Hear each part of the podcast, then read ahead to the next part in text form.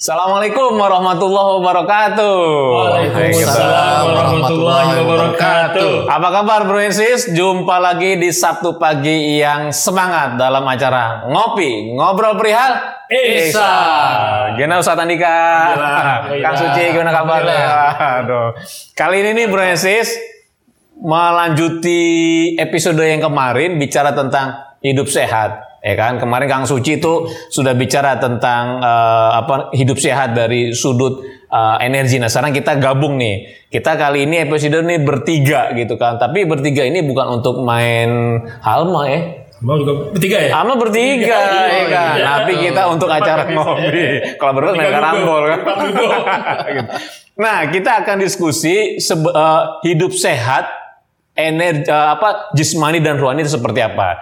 Jadi Kang Suci bisa ngasih tips nggak nih kira-kira hidup sehat untuk menjaga fisik kita tetap bugar, apa yang perlu ikhwan apa bro and sis eh, lakukan. Tips-tips sederhana yang kadang-kadang dalam keseharian itu kita sering lupa. Ya. Seperti itu. Gimana Kang Suci? Oke, yang pertama pola makan. Pola makan Oke, gitu. ya. pola makan ini yang waktunya sarapan ya sarapan. Oke. Jadi kan ada orang yang eh, sarapannya nanti atau nggak bahkan nggak sarapan itu, itu salah itu. Oh, kalau lagi puasa Ke- Kecuali puasa. puasa juga kan harus ada ini. ada sahur, santap sahur. Mantap sahur, sahurnya wajib itu. Oke.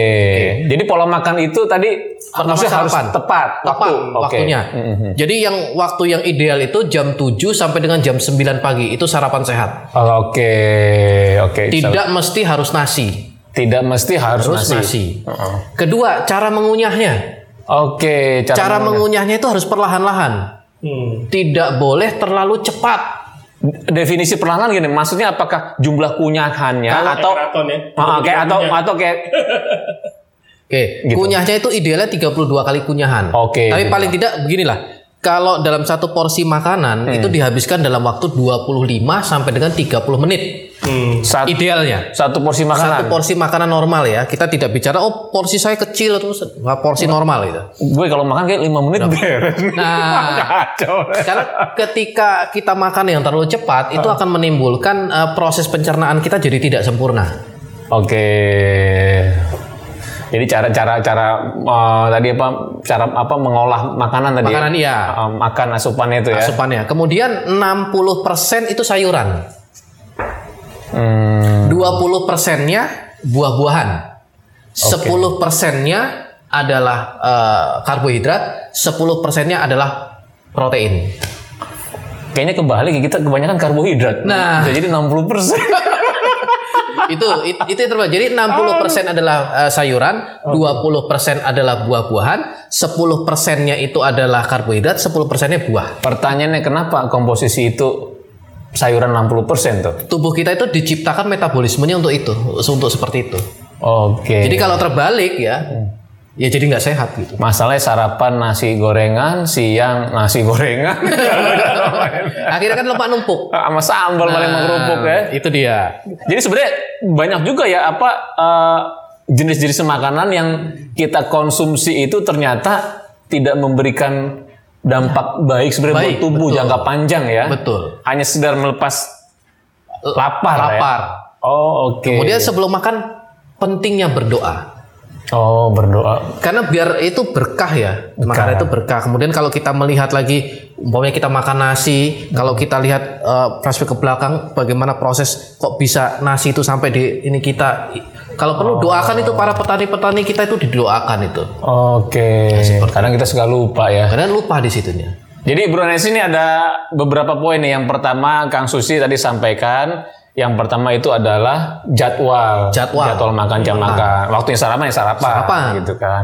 Yang kedua tadi Cara eh, makan, cara Cara, makannya itu. Jadi memang ada standarnya ya supaya tidak memberatkan tubuh memproses maksudnya begitu ya. Betul, iya. Waktu yang kedua, yang ketiga Kang Suci, Yang ketiga itu doakan. Yang ketiga Akan ber- berdoa sebelum Oh, tadi makan. apa? bukan eh, jenis Oh jenis, jenis ya, yang betul. uh, sayur-sayuran ya. Sayur-sayuran tuh? Sayur-sayuran 60%, terus 20% buah-buahan, Buah-buahan, 10% karbohidrat sama 10% protein, gitu kan. Dan yang terakhir baru berdoa. doa. Sebelum makan dimulai dengan doa. Doa. Sesudah makan bayar kali ya. Di warung. Dan nah, jangan, jangan lupa Setelah itu pola pikir juga harus di Oke, pola pikir. Ini udah masuk di akhir ada doa, ada pola pikir. Ini ya udah wilayahnya Wilayahnya- Ustadz Andika nih. Nah, kalau kalau menurut Ustadz Andika gimana? Tadi kan bagaimana kita menjaga energi tubuh nih? Kan kita tahu juga bahwa eh, apa namanya dalam sudut eh, agama itu manusia itu kan bukan hanya tubuh, tapi ada ruh. Nah, bagaimana nih yang langkah-langkah yang perlu eh, Bro and Sis ketahui untuk tips-tipsnya supaya hidup sehat jismani dan rohani? Ya kalau rohani kaitannya kembali lagi ke zikir. Zikir. Karena ibaratnya tadi makanan itu adalah makanan jasmani, zikir itu makanannya ruh. rohani. Nah, Oke. Jadi dengan kita memperbanyak zikir, juga itu mempersehat rohani kita. Kaitannya ke sana. Oke. Jadi kalau yang ini yang sudah talkin Hmm. kan zikir udah sering dilakukan nih. Iya. Ah, ada nggak mungkin eh, hal-hal lain nih terkait dengan tips-tips lain supaya apa namanya bukan hanya zikir gini kan kadang-kadang gue pengen lagi nih selain zikir gitu kan ada juga yang seperti itu apa tuh ada nggak saat Ustaz? Permasalahannya begini, zikir itu kan memang mudah diucapkan, tapi sebenarnya kalau kalimat zikir sekali itu gampang. Tapi zikir yang setiap waktu yang terus menerus itu kan yang susah. Orang kan maksudnya udah zikir. Permasalahan apa emang udah benar zikir 24 jam sehari semalam kan belum tentu. Betul. Ah, gitu. Jadi sebenarnya gini. Kalimatnya sederhana, zikir dan melakukannya kalau hanya sekali-sekali itu gampang. Oke. Tapi ketika melakukannya menjadi sepanjang waktu setiap hari Itu Nah, perlu pembiasaan, ya, pembiasaan, gitu. gitu. Misalnya gini Ustaz, apa namanya eh, mungkin mereka ada eh, sebagian dari kita yang ingin merasakan tawajuh yang lebih la- ini udah tawajuh nih baju tawajuh. Tawajuh. Pas diinget nih ngeliat-ngeliat baju nih. Dari, dari mana nih keren baju nih? Eh, baru beli di BMT Nasuha. gitu. Nah, ingin tawajuh yang lama gitu. Maksudnya itu kan selain ada ibadah rohaninya dan memang diajarkan oleh pangarsa guru, itu kira-kira boleh nggak tuh? Jadi kita memperbanyak eh, zikir apa tawajuhnya gitu ketika sholat-sholat sunnah atau mungkin sholat wajib gitu. Oh, boleh banget. Boleh ya? Karena memang tawajuh itu kan merupakan eh, latihan kita untuk selalu mengingat Allah, tapi dikondisikan. Oke. Jadi setelah sholat kita kondisikan Ah, ah, ah, ah. agar nanti kita terlatih di waktu yang tidak dikondisikan.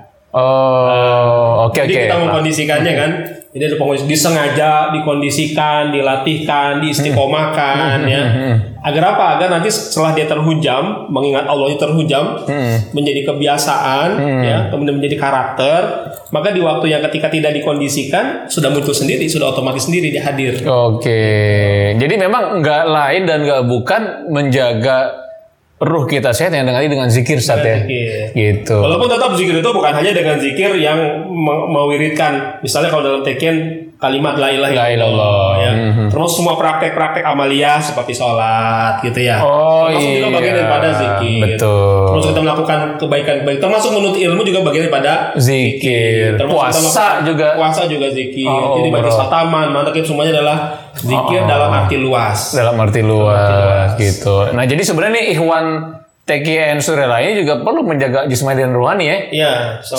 Zikir, tapi tetap tadi pola makan. Pola makan, Itu harus dirubah. Kalau nggak yang ngurusin makanan, dia lupa zikir. Jadi ini sebenarnya klop nih. Kalau misalnya Bronensis ingin hidup sehat itu boleh kita coba nanti nih. Apa yang disampaikan oleh Ustadz Andika dan oleh Kang Suci. Ustadz Andika tadi menekankan untuk rohani mau nggak mau dengan zikir. Karena ngomong makanan awalnya sarapan. Sarapan. Sarapannya rohani ya zikir. Oh, Eh, kalau iya. dia membuka dengan yang lain. Eh, kan udah ngomongin makanan. makanan nih emang. Jadi ingatnya yang makanan rohani ya. Zikir. rohani zikir. Jadi tetap tubuh ini butuh makanan, butuh nutrisi. Jismani tadi makanan, yang rohani itu dengan zikir. Sama-sama makanan intinya. Sama-sama Satu makanan. makanan jasmani, satu makanan rohani. rohani.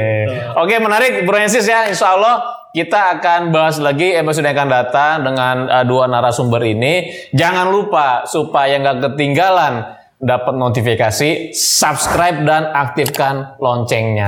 Oke? Terima kasih nih Ustadz Andika nih ya Sama. sama Kang Suci. Insya Allah kita jumpa lagi dalam episode yang akan datang dalam acara Ngopi Ngobrol Perihal Iksan. Assalamualaikum warahmatullahi wabarakatuh. Waalaikumsalam Waalaikumsalam. warahmatullahi wabarakatuh.